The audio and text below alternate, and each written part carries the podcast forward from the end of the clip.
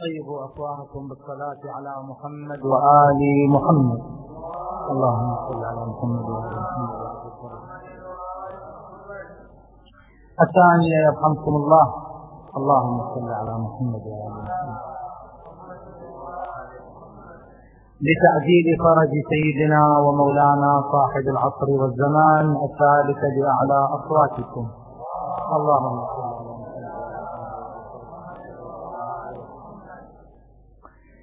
بسم الله الرحمن الرحيم.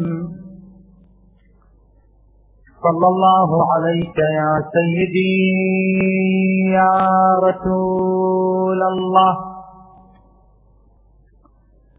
صلى الله عليك وعلى أهل بيتك المظلومين.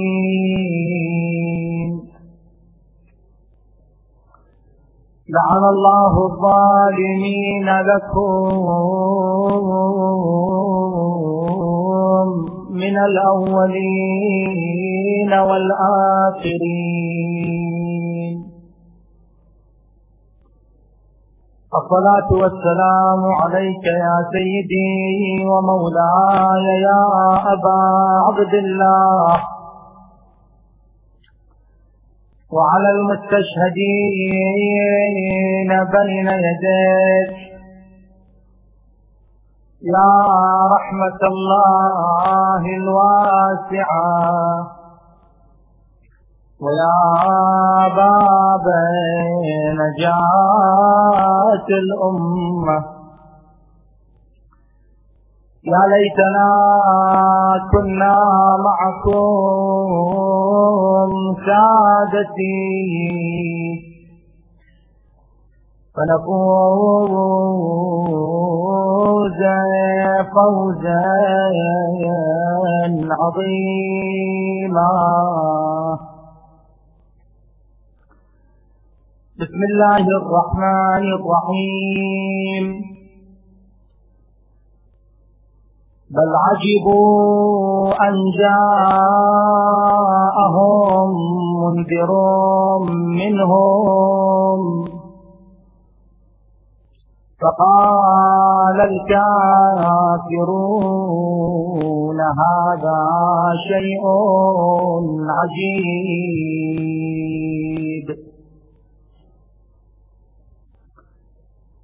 العجب هو الشيء الذي لا يعرف سببه ولا تعرف علته. والتعجب هو عبارة عن تعظيم الأمر. المخالف للمألوف والمجهول السبب والعلة. رد الفعل الذي يعيشه الإنسان تجاه بعض الأمور. الإنسان مزوج بجملة من الغرائز. بعضها يكون على شكل ردود أفعال. مثلا لما تمر به حالة من الحزن يكون للإنسان رد فعل موافق مع هذه الحالة. تظهر من عند علامات الحزن. وهذه علامات الحزن بالمناسبة ما دام مريت بها. البارحة اتصل فيني أحد الأعزاء. قال في شبهة دائما تثار. سبحان الله هذه ما كان في بالي أنا أطرحها لكن بركة إن شاء الله. قال في شبهة دائما تثار أنه أتباع أهل البيت يعتمدون أساليبا معينة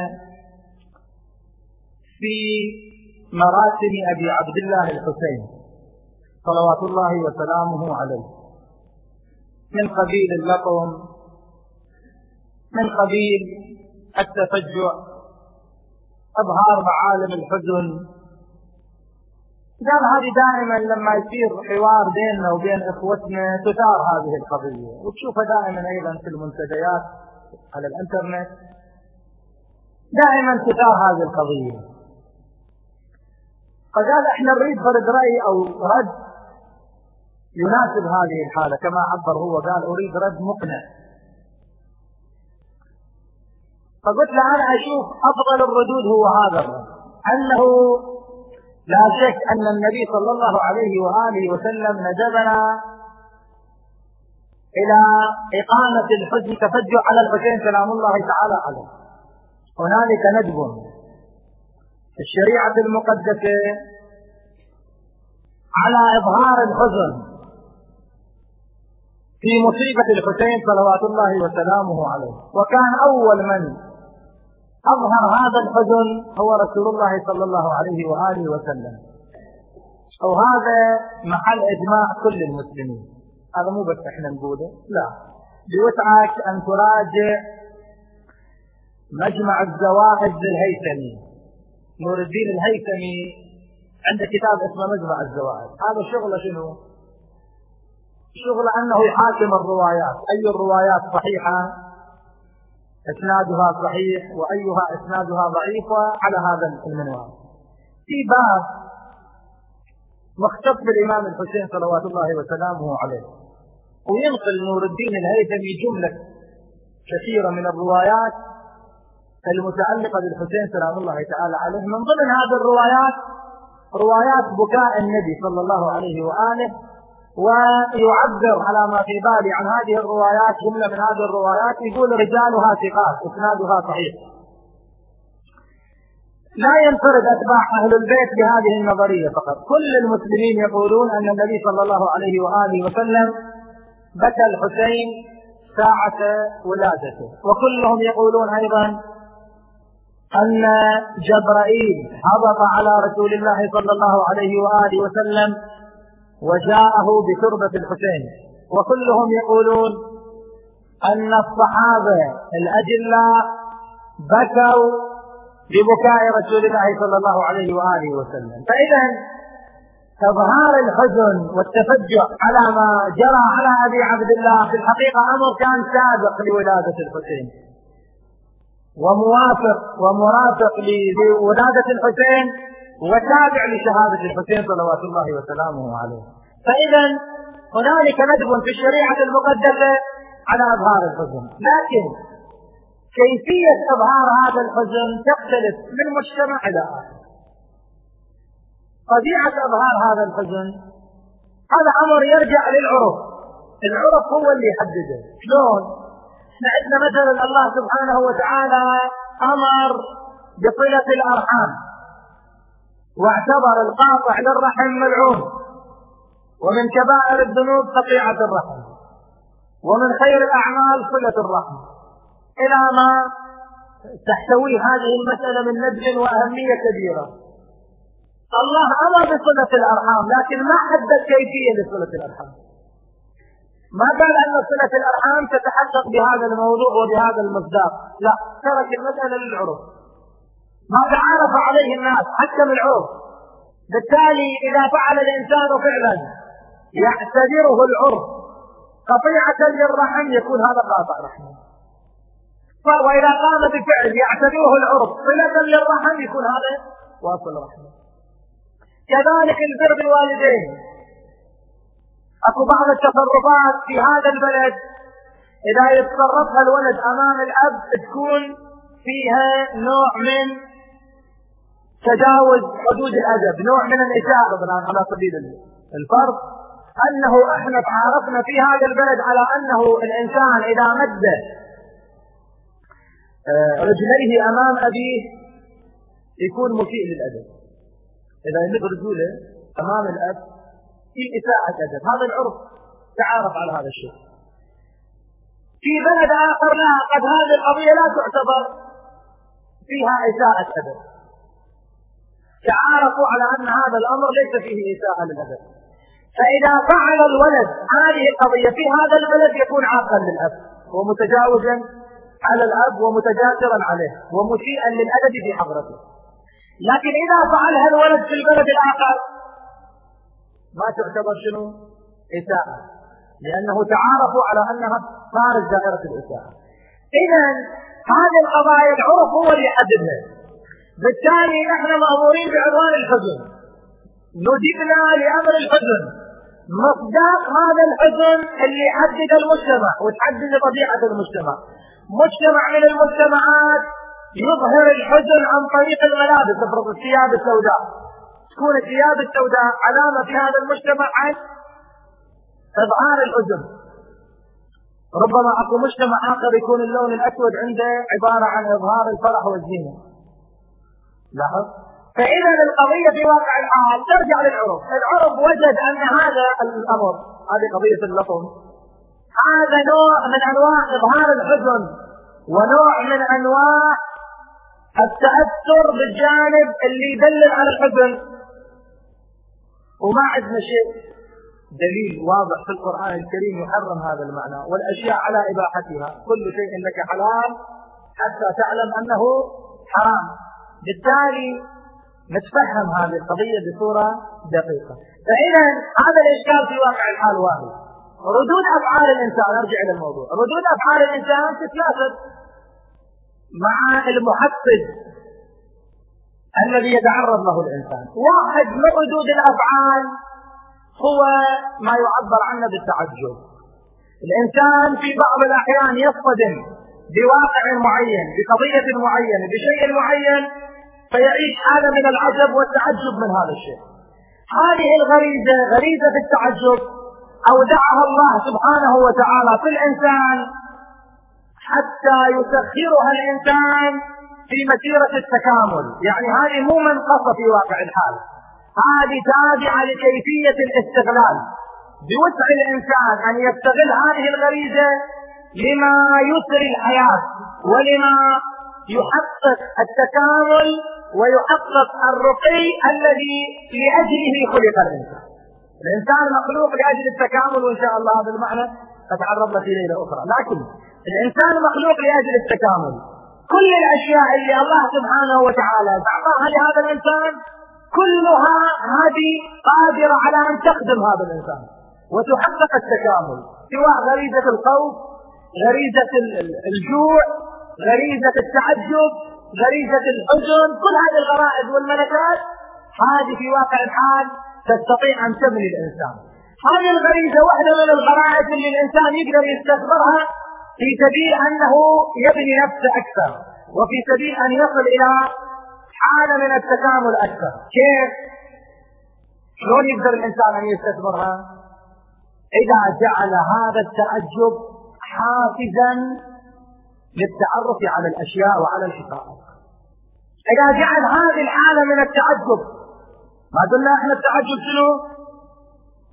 جهالة بسبب هذا الشيء. العجب قلنا كل شيء لا يعرف سببه. فإذا الإنسان واجهت حالة فيها نوع من الغرابة وتثير التعجب المفروض بالإنسان العاقل ماذا يفعل؟ المفروض به أن يسعى بكل جهده وبكل ما يستطيع لأن يتعرف على حقيقة هذا الشيء. التعجب يكون حافز على المعرفة وعلى العلم. وهذا هو السبب اللي كثير اليوم كثير من الأمور اللي اكتشفها العلم والعلماء كان سببها هذا. كثير من المكتشفات العلمية اللي اليوم تدور في أروقة العلم والعلماء اللي بعضها أصبح حقائق علمية كانت بدايتها نظر التعجب من ذلك الشخص وذلك العالم تعجب من ظاهرة معينة استغرب لظاهرة معينة وبدأ يبحث وأثنى ردحا من عمره في هذا البحث بعدين طلع بنتائج تخدم البشرية وتخدم الحياة. فإذا هذه الحالة وهذا رد الفعل التعجب باستطاعة الإنسان أن يسخره وأن يستثمره لما فيه الصلاح ولما فيه آه، الكمال ولما فيه من إثراء الحياة ومن زيادة العلم. بعض الناس للأسف الشديد ما استثمروا هذه القضية. أكلوا بركة العقل وجعلوا من هذه الحالة سببا في إنكار الحقائق. المفروض بالإنسان أن يستثمرها هذه الحالة أن ينميها أن يبحث عن أسبابها. وليش صار هذا التعجب من هذه القضية؟ بعض الناس لا. اجوا قالوا كل شيء عجيب وكل شيء فيه غرابة. هذا الشيء لا واقع له ولا أصل له ورفضوه من الأساس. يعني؟ وهذا مسلك في واقع الحال لا ينم عن علم. لأن الإنسان العالم والعاقل لا ينكر الشيء بسبب أنه لا يعرف أصل هذا الشيء أو لا يعرف سبب هذا الشيء. عدم العلم بالشيء عدم الوجدان كما يقولون لا يدل على عدم الوجود. لا يصح للعاقل أن ينكر شيئا بدعوة شنو؟ والله أنا ما فهمت هذا الشيء. أو هذا الشيء غريب أو هذا الشيء مستغرب ومستهجن وغير مألوف فبما أنه غير مألوف أنا أرفض هذا الشيء هذا غلط. جدا هذه نظرية خاطئة الإنسان العاقل هو الذي يجعل من الأشياء الغريبة محفزا له في سبيل البحث وفي سبيل المعرفة. ولذلك واحد من الزنادقة أجل الإمام الصادق صلوات الله وسلامه عليه. هذا أجل من مصر. ما كان يؤمن بالله سبحانه وتعالى وكان عنده كثير من الإشكالات. جلس مع الإمام الصادق صلوات الله وسلامه عليه جلسة طويلة دار فيها كلام طويل من جملة الكلام الإمام سأله قال له هل تعلم أن للأرض تحتا وفوقا هذه الأرض شو تقول عنها؟ إلها تحت وفوق محددة بحد وهذا الحد أكو خلفه حدود أخرى أم لا؟ قال نعم أعلم أن للأرض تحتا وفوقا قال له هل ذهبت إلى تحت الأرض؟ هل ولجت إلى تحتها؟ هل دخلت إلى تحتها؟ قال له لا لم أدخل إلى تحتها قال له هل تظن أنه يوجد شيء تحت الأرض؟ قال له أنا أظن أنه لا يوجد شيء قال له هذا ظن ولا علم قطع قال لا أنا أظن ظن أنه لا يوجد شيء تحت الأرض قال له الظن عجز ما لم تستيقن الظن بضاعة العاجز. اعطيني شيء يقين اعطيني علم. عندك يقين؟ قال له لا ما عندي يقين. قال له طيب. هل صعدت إلى السماء؟ قال له لا ما صعدت إلى السماء. قال له هل علمت ما في السماء؟ قال له لا ما أدري شيء في السماء. لكن أنا أقول ما فيها شيء. قال له طيب. هل ذهبت إلى المشرق؟ هل بلغت المشرق والمغرب؟ قال كلا. قال هل تعرف ما فيهما وما وراءهما؟ قال لا. قال عجبا منك لم تبلغ المشرق ولم تبلغ المغرب ولم تسقط إلى تحت الأرض لم تذهب إلى تحت الأرض ولم تصعد إلى السماء وأنت تجهل ما فيهن ثم تأتي وتنكر وهل يجحد العاقل ما لا يعرف؟ هذا سكت هل العقل اللي عنده عقل ما يجحد الشيء لأنه ما قدر يعرفه؟ لو كان هذا المعنى هو الصحيح كان اليوم إحنا ما نعتقد بكثير من الأشياء. كثير من الأشياء إحنا ما نعرف أسبابها وما نعرف منشأها لكن نؤمن بها.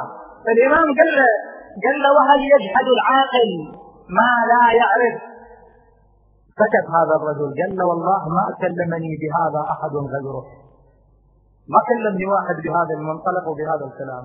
ثم أسلم على يد الإمام صلوات الله وسلامه عليه.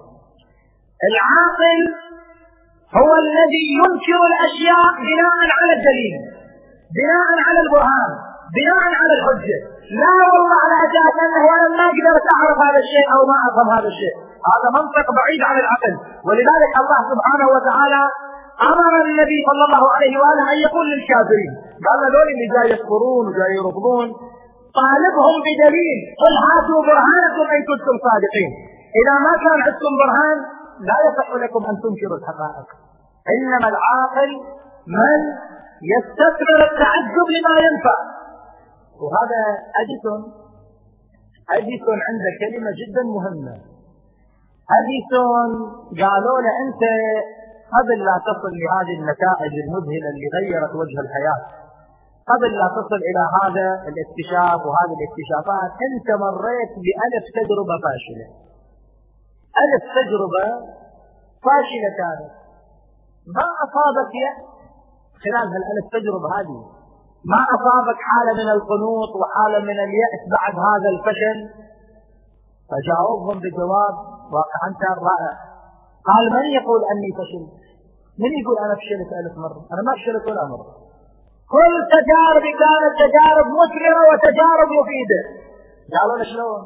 قال لهم أنا قدمت خدمة للبشرية في واقع الحال. أنا اليوم شقيت البشرية مؤونة البحث بألف تجربة لا تؤدي إلى نتائج بعد ما يجي واحد يبحث في هذه البحوث اللي أنا اشتغلت فيها. أنا الآن اختصرت عليكم زمن واختصرت عليكم طاقات واختصرت عليكم جهود. ما يحتاج بعد واحد يجي من وراي ويبحث هذه البحوث اللي أنا بحثتها. أنا كفيتكم هالمؤونه بحثت هالألف قضيه هذه ووجدت أنها لا تؤدي إلى نتيجة نافعة. بالتالي الآن صار الناس عندهم علم أن ألف طريق على من طرق البحث العلمي لا تؤدي إلى نتيجة. ففي واقع الحال أنا ما شلت في واقع الحال أنا قدمت خدمه للبشرية فالالف نتيجة هذه اللي كانت في ظاهرها فاشلة. إذا التعجب في واقع الحال وغرابه الشيء لا توجب ولا تسمح للإنسان العاقل أن ينكر الأشياء. واحد من الأسس التي اعتمدها الكافرون والتي اعتمدها القوم الذين رفضوا دعوات السماء ورسالات السماء هو هذا المعنى. بل عجبوا أن جاءهم منذر منهم. لأجل أنهم تعجبوا بقضية إرسال البشر كيف يكون البشر نبيا؟ لابد الله سبحانه وتعالى يرسل لنا رسول على شاكل أخرى لأنهم تعجبوا من هذا المعنى وتعجبوا من بعض الاعتقادات ومن بعض المفاهيم التي طرحها الأنبياء جعلوا ذلك مبررا لرفض كل رسالات الأنبياء كفروا بالله العظيم على أي أساس؟ على أساس البرهان؟ لا ماكو عندهم برهان. على أساس دليل؟ لا ماكو دليل. شنو العذر؟ العذر أن هذه القضية عجيبة، هذه القضية غريبة، هذه القضية على خلاف ما تعودنا عليه، على خلاف البيئة اللي عشناها، على خلاف التربية اللي تلقيناها، على خلاف المسلك اللي كان عليه آباؤنا. ولذلك كانوا يأخذون من هذا الاستغراب مبررا لرفض الحقيقة. الله سبحانه وتعالى اعتبر هذا الأسلوب أوهن من بيت العنكبوت واعتبر أن أسلوب رفض الحقائق على أساس التعجب والغرابة أسلوب مرفوض من هنا ندخل إلى بحثنا نفس هذا الأسلوب للأسف الشديد وقع فيه وفي حباله جملة من المسلمين. بعض المسلمين وقعوا في هذا الفخ وفي هذا المطر وقعوا في هذا الاستدلال الواهي.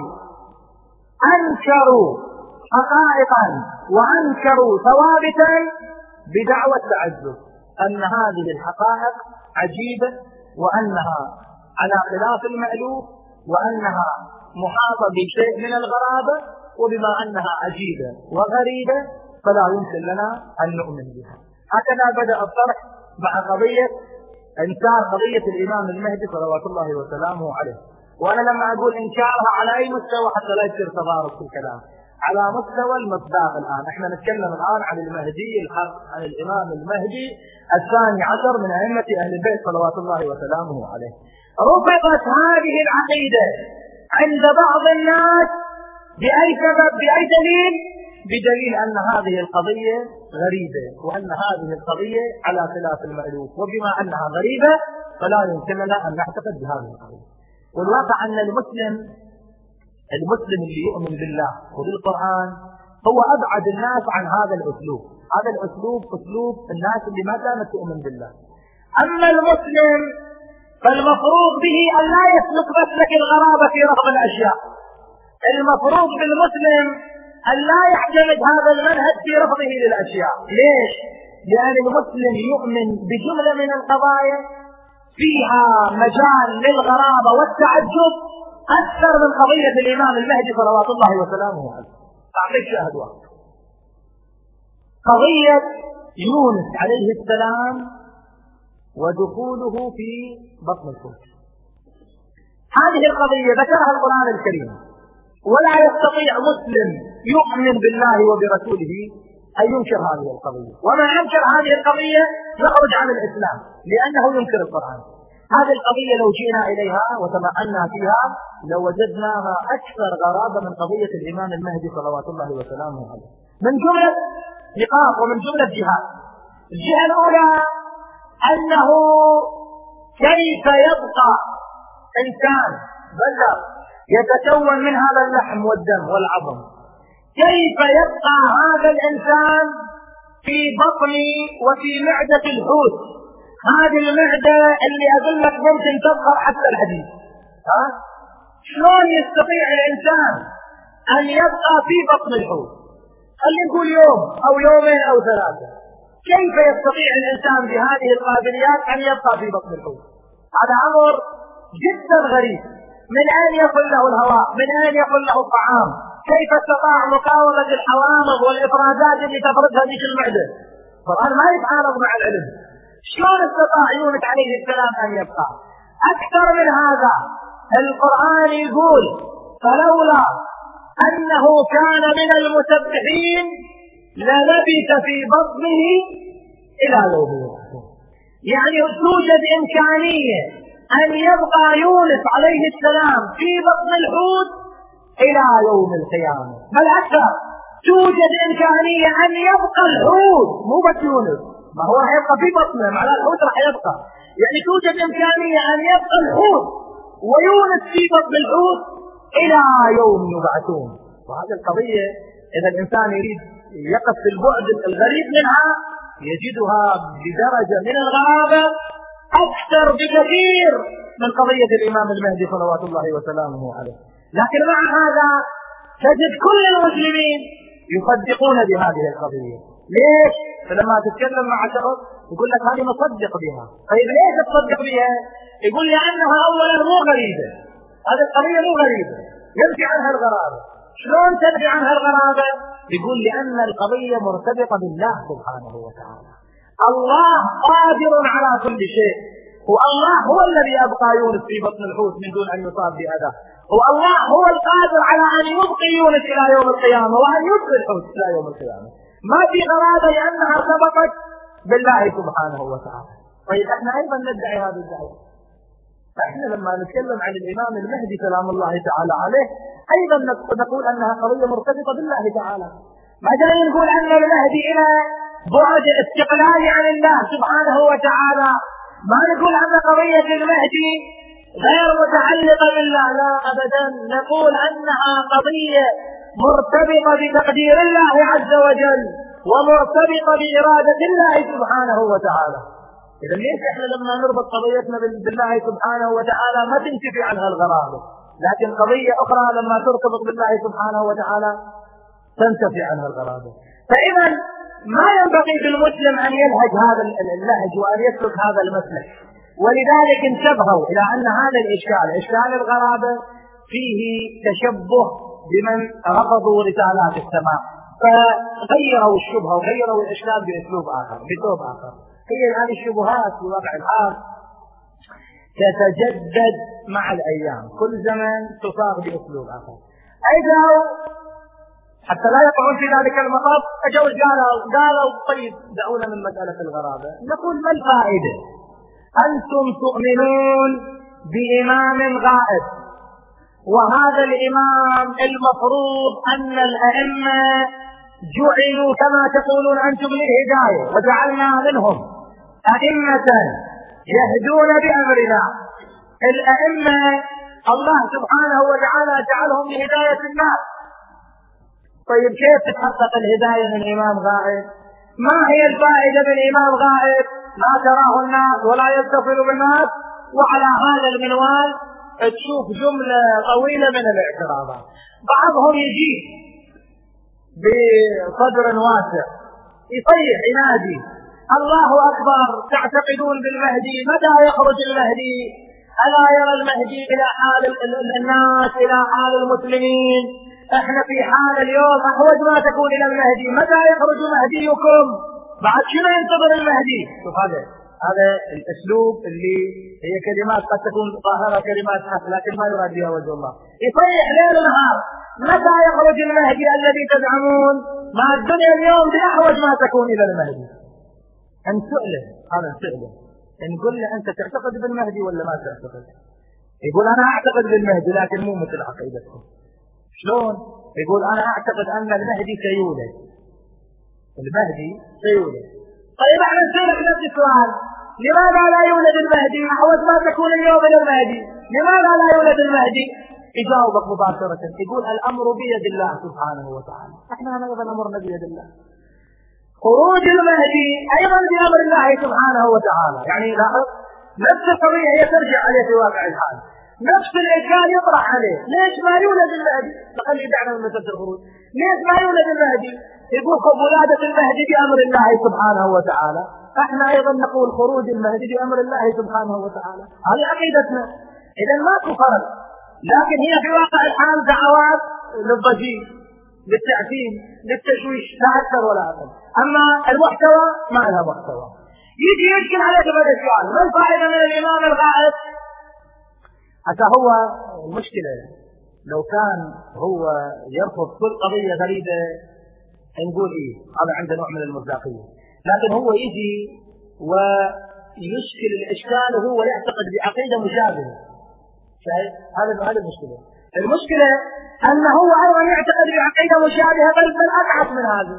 يعني هو نفسه من الان جاي يعترض على قضية الإمام المهدي ويقول ما الفائدة من وجود المهدي بلا بلا بلا اتصال وبلا مواصلة هو يعتقد دجال وأن الدجال موجود من زمن رسول الله صلى الله عليه وآله إلى أن يشاء الله سبحانه وتعالى بظهوره. طيب ما الفائدة من الدجال؟ شنو الفائدة من الدجال؟ هذا اللي تقول عنه بعض الروايات. إحنا ما عندنا عقيدة بالشكل بالدجال لكن بعضنا يفعلون عقيدة بالشكل. هذا اللي تقول عنه الروايات أن له من القدرة وله من التأثير. كقدرة الله سبحانه وتعالى. ومثل ما بينت لك يقولون العلامة الفارقة ما بين الدجال وبين رب العالمين هي أن الدجال أعور وأن الله سبحانه وتعالى ليس بأعور. والمصيبة لما ترجع للروايات الصحيحة تشوف مشكلة أخرى.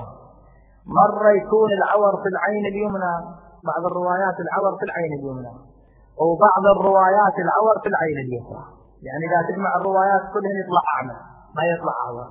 بعض الروايات تقول أعور العين اليسرى بعض الروايات تقول أعور العين اليمنى. تحتارين. المهم يعني ليش الإنسان يكيد بمكيالين أنت لو تعتقد وترفض قضية على أساس أنها غريبة وعلى أساس أنه ما منها جدوى فالمفروض ديك على ما تعتقد بعقيدة مشابهة لهذه العقيدة. أنك تؤمن بشخص إحنا نؤمن بولادة المهدي سنة 255 صلوات الله وسلامه عليه. أنت تؤمن بولادة الدجال قبل هذا ب 255 سنة.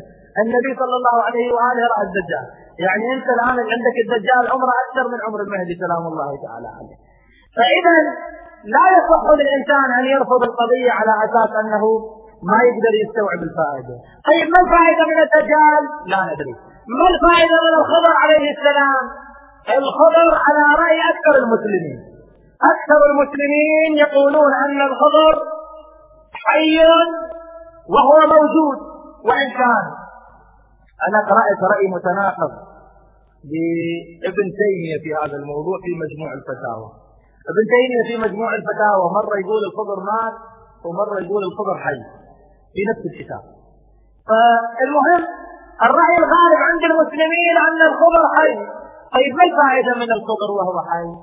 هذا أيضا سؤال ثاني. ما الفائدة من رسل وأنبياء يرسلهم الله سبحانه وتعالى للناس فيقتلون في أول يوم من إرسالهم؟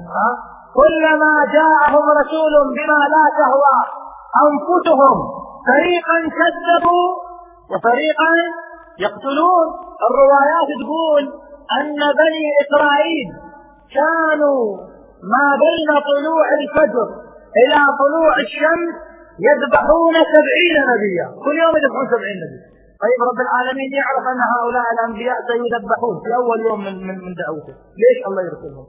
هذه كلها قضايا إذا نريد نقطعها لنفس الضابطة أنه ما هو المعنى وما هو الفائدة وما هي الفلسفة.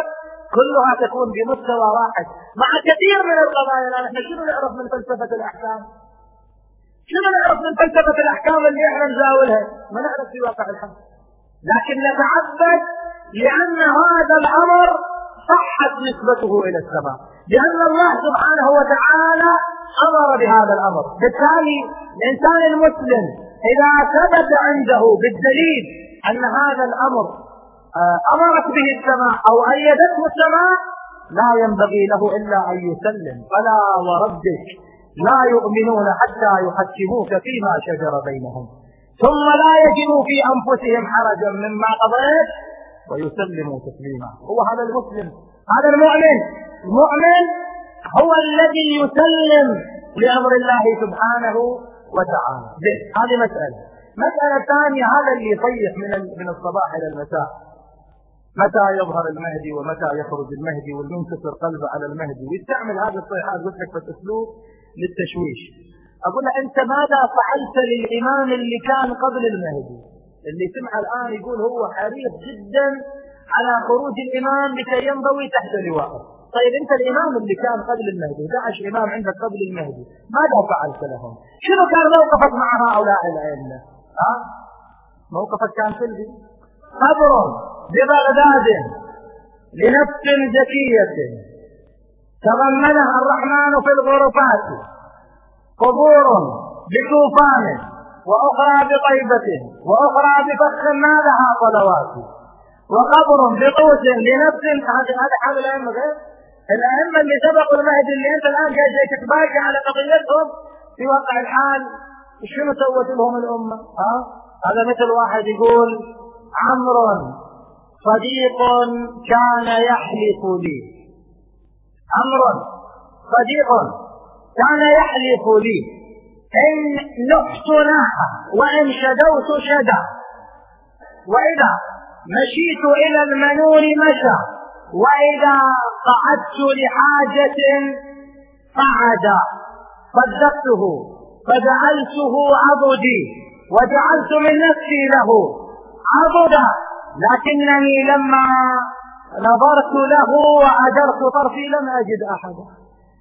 كان يقول ويتكلم ويقول لي بس آمر لكن لما جد الجد وكان وقت الحاجة لكنني لما نظرت إليه لما هجرت طرفي لم أجد أحدا. ما لقيته موجود في ساحة القتال. ها؟ أسد علي وفي الحروب نعمة. أنت ماذا فعلت للإمام اللي سبق المهدي والإمام اللي قبله؟ تدري أنت الإمام الحجر العسكري بعضهم بعض الكتاب وبعض المحسوبين على العلم يضحكه يقول الحسن العسكري ضعيف ما تقبل رواه. المستوى بعضهم يكاد يتفق الإمام الصادق سلام الله تعالى عليه. واحد من الجهابذة يقول كنا إذا رأينا طالب العلم طالب علم الحديث يذهب إلى جعفر بن محمد ضحكنا عليه. يقول إذا شفنا واحد من الطلاب يذهب إلى جعفر بن محمد ليأخذ منه علم الحديث نضحك عليه. ليش تضحك عليه؟ يقول لأن جعفر بن محمد ما يحسن الحديث فإذا هذه دموع التماسيح آه، واقع الحال ما يمكن أن تخدع الإنسان صاحب البصيرة. أنت اللي تتباكى على المهدي وتحاول من خلال هذا الأسلوب أن تشوش على النظرية تعطينا السجل تبعك أعطينا دراسك ماذا فعلت أنت لمن سبق المهدي؟ تاريخ يشهد بما فعلت وما فعل غيرك. به ندخل إلى عمق الموضوع. هذه القضية المهمة. أنه ما الفائدة من هذا الإمام الغائب؟ طبعا لا شك أن كل أتباع مذهب أهل البيت يحفظون هذا الحديث. هذا الحديث الذي روي عن رسول الله صلى الله عليه وآله. جابر بن عبد الله الأنصاري يسأل النبي صلى الله عليه وآله. وهذا الحديث مروي عن الإمام الصادق سليمان بن مهران يسأل الإمام الصادق سلام الله تعالى عليه يقول له ما الفائدة من الإمام الغائب المستور؟ وهذا الحديث مروي بتوقيع خارج عن الإمام المهدي صلوات الله وسلامه عليه اللي هو المؤدى واحد والمعنى واحد. وأما وجه الانتفاع به فكالشمس إذا غيبها السحاب. هذا يحفظه كل الناس. لكن تدري ترى هذا الحديث وهذه الأطروحة تتضمن كل المسائل المتعلقة. يعني هذا جواب شافي وجامع ومانع. في هذا الجواب أجوبة عن كل التساؤلات. الأئمة صلوات الله وسلامه عليهم أجمعين. ومن قبلهم رسول الله صلى الله عليه وآله جمعوا بهذا الجواب مختل قضايا والبركات التي تنعكس من وجود الإمام صلوات الله وسلامه عليه إلى هذه الأمة. ولذلك صاحب البحار المجلسي قيض الله ثراه يضع لهذا الحديث ثمانية أوجه. ثمان أوجه يشرح هذا الحديث. في بيان دلالة هذا الحديث ويقول بعد ذلك وله ثمانية وجوه أخرى لم أذكرها. ذكرتها بنفسي يقول بعد أكو وجوه ثمانية يعني المجلس لوحده عند أكثر أو ما يقارب الستة عشر وجه من وجوه تفسير هذا الحديث ودلالات هذا الحديث. اللي منها أن الإمام صلوات الله وسلامه عليه أمان لأهل الأرض كما أن النجوم وكما أن الشمس أمان لأهل السماء. الشمس بوجودها خلف السحاب تقول أن هذا الكون لا زال على استقامته ولا زال على دائرته الصحيحة. إذا ذهبت الشمس ذهب هذا الكون. فكذلك الإمام صلوات الله وسلامه عليه إذا ذهب الحجة أو إذا خليت الأرض من الحجة ساقت الأرض بأهلها هذا واحد من المعاني ومعاني كثيرة. أنا في واقع الحال أريد أن أن أتكلم في قضية خارج المعاني. الثمانية وإن كانت تلتقي بالمؤدات وظيفة الإمام سلام الله تعالى عليه هي الهداية. وظيفة الإمام هي الهداية. ولذلك أينما ذكر أئمة الهدى القرآن ذكر نوعين من الأئمة. ذكر أئمة الهداية وذكر أئمة الضلال. أينما ذكر أئمة الهداية شفعهم بهذه الكلمة يهدون بأمرنا. وجعلنا منهم أئمة يهدون بأمرنا. وجعلناهم أئمة يهدون بأمرنا. أينما ذكر الإمام ذكر معها الهداية. ليش؟ لأن الإمام صلوات الله وسلامه عليه أول عمل وأهم وظيفة وأول وظيفة من وظائفه هي تحقيق الهداية للناس. وهذا المعنى متحقق في وجود الإمام المهدي صلوات الله وسلامه عليه. الإمام ما خارج عن هذا السياق. وجوده باب هداية للناس. شنو يعني الهداية؟ الهداية يعني أن تبقي الناس على الصراط المستقيم وأن تمنعهم من الضلال ومن الذهاب إلى السبل. الهداية هذا معناها أن تجعل الناس تستقم كما أمرت. تجعل الناس على طريق الاستقامة وأن تمنع الناس من الذهاب إلى الضلال وإلى معسكرات أخرى. الإمام المهدي صلوات الله وسلامه عليه بوجوده. يقول للناس هذا المعنى. كل إنسان يؤمن بوجود الإمام لا يستطيع أن يذهب إلى معسكر آخر. لا يستطيع أن يذهب إلى جهة أخرى. شوية تنتبه الله يبارك فيك المعنى دقيق أنا لما أعتقد بأن الإمام موجود والحجة موجودة فهل يصح مني وهل يقبل عقلي وهل يقبل تديني أن أذهب إلى معنى آخر وإلى طريقة أخرى؟ لا ما يصير. ما دام حجة الله موجودة فلا يحق للإنسان المؤمن أن يعرض عن حجة الله سبحانه وتعالى. فوجود الإمام يعني الإمام لسان حاله أنه ينادي إلى الناس أيها الناس لا يحق لكم أن تعرضوا عني فأنا حجة الله وأنا موجود. غاية ما في الأمر أنني غبت عنكم أو أنكم غبتم عني. على اختلاف التأويلات بالنتيجة بيني وبينكم حاجب لسبب من الأسباب. أنا بينكم أراكم وتروني. ولذلك كل الناس حينما يخرج الإمام سلام الله تعالى عليه يقول قد رأينا هذا الشخص. كل الناس يقولون هذا الشخص رأيناه. هذا الشخص مر علينا في يوم من الأيام.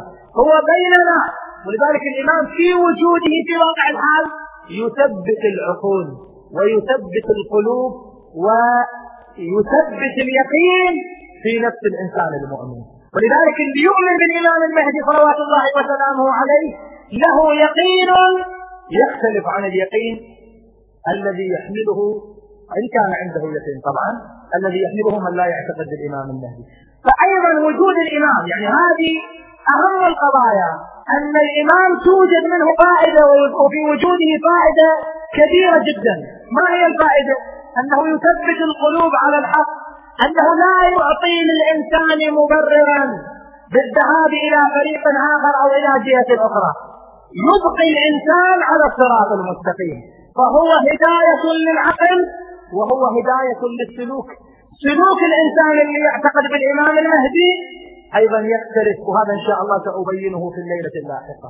هو هداية للعقل في وجوده هداية للعقل يمنع من الضلال. وهو هداية للسلوك وهو هداية للروح. يخلق في الروح حالة من الاستقرار وحالة من التطلع لنصر الله سبحانه وتعالى. القلب اللي يرتبط بالإمام المهدي صلوات الله وسلامه عليه لا يعرف اليأس أبدا. حتى وإن غاب يعرف أن النصر حليف لأولياء الله سبحانه وتعالى. رسول الله صلى الله عليه وآله غاب عن قومه ثلاثة أيام كما يقولون في غار. في الغار النبي ثلاثة أيام كان في غيبة انقطع عن الناس لا يسمع في الأمر؟ هذا الغيبة استمرت ثلاثة أيام وإلا هي غيبة ما يقدر يتصل بأحد ولا واحد يتصل به. لكن هذا لم يمنع من أن يكون النبي صلوات الله وسلامه عليه منتصرا. لم يمنع من أن ينتصر الرسول. موسى عليه السلام غاب عن قومه. يونس عليه السلام غاب عن قومه. محمد صلى الله عليه وآله وسلم.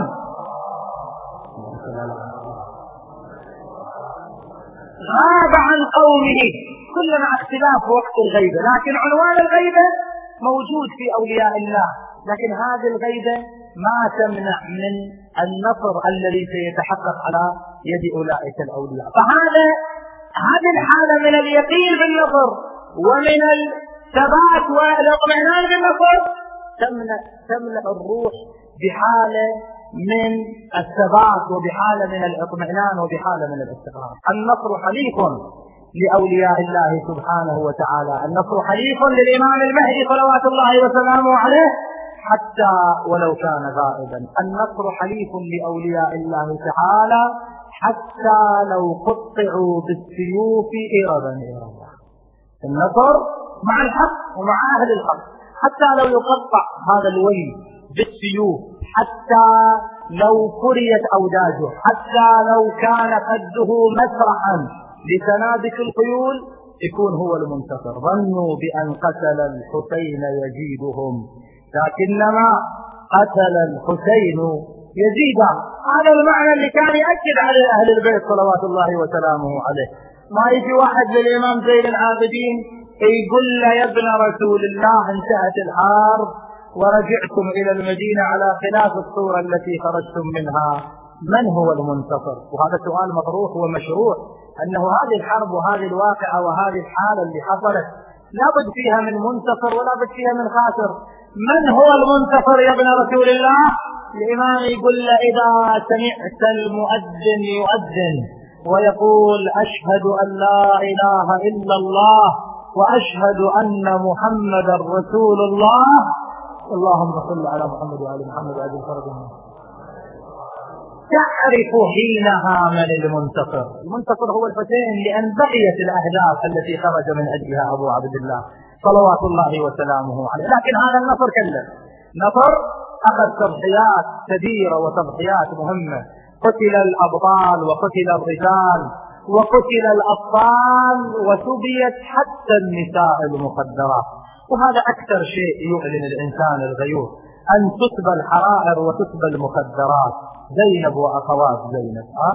لذلك يروون السيد رضا الهندي رضوان الله تعالى عليه خرج مع أخيه. هو وأخوه خرجوا لزيارة الحسين صلوات الله وسلامه عليه. كان عندهم راحلة واحدة دابة يصعدون عليها يركبون عليها وتوجهوا لزيارة الحسين عليه السلام. في الطريق مروا على امرأة قد أغناها التعب وجلست على الطريق.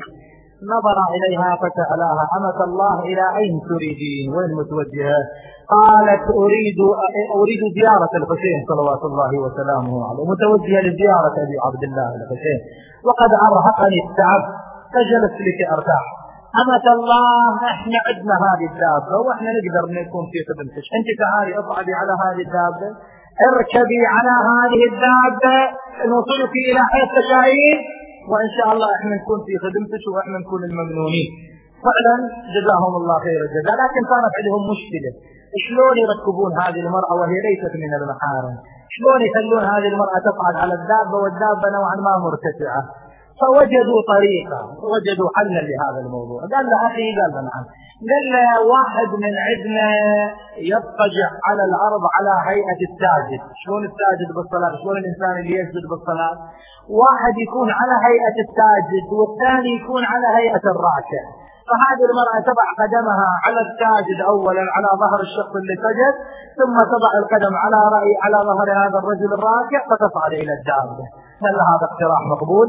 فعلا واحد من عندهم تمدد على الأرض على هذه الهيئة على هيئة الإنسان الساجد. والثاني فعلا على هيئة الراكع وأجت هذه المرأة وهم قد أغمضوا العين صعدت على ظهر الأول وعلى ظهر الثاني وارتقت على ظهر الدابة. الراكع رفع رأسه لكن الساجد بقي على حالته. الآن يرفع رأسه بعد قليل يرفع رأسه أطال حالة السجود. أخوه طأطأ إليه. يرى ما الأمر. يقول لما أدنيت سمعي منه سمعت نشيجا وبكاء مريرا ونظرت وإذا دموعه قد سرت على الأرض.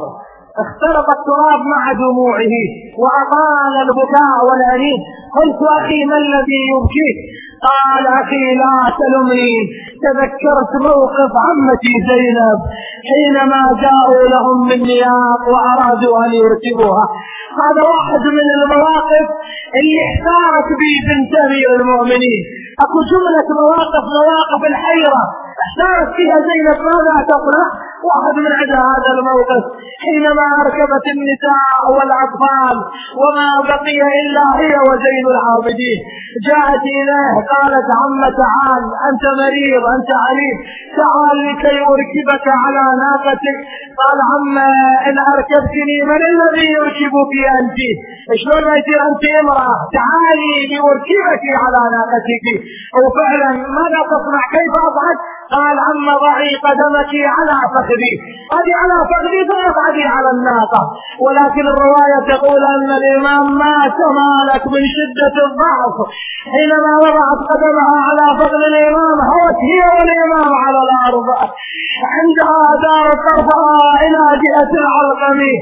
قالت أنائم أنت أبا الفضل أخي عباس أنت الذي أخرجتني من موطني وأركبتني في محملي. قم الآن وركب أختك يا عباس يا يا يا يا عباس ما انت اللي جبتني؟ جبتني. يا يا وبيدك يا أخويا ركبتني. يا ابا وبيدك يا اخويا يا يا يا يا شبتني عباس تسمع زينب تدعوك من يا حمايا إذا العدايا نهروني إلهي نسألك وندعوك ونتوجه إليك بأحب الخلق عليك محمد وآل محمد. اللهم اجعل هذا البلد بلدا آمنا. وارزق أهله من الثمرات. وجنبهم كل سوء وبلاء ومكروه. إخوتي الحاضرين اللهم احفظهم فردا فردا تقضي حوائجهم شافي مرضاهم وإلى أمواتهم وأمواتنا وموتى المؤمنين جميعا لا سيما موت المؤسسين والباذلين والقائمين على هذه الخدمة. رحم الله من أهدى ثواب الفاتحة. تسبقها الصلاة على محمد وآل محمد.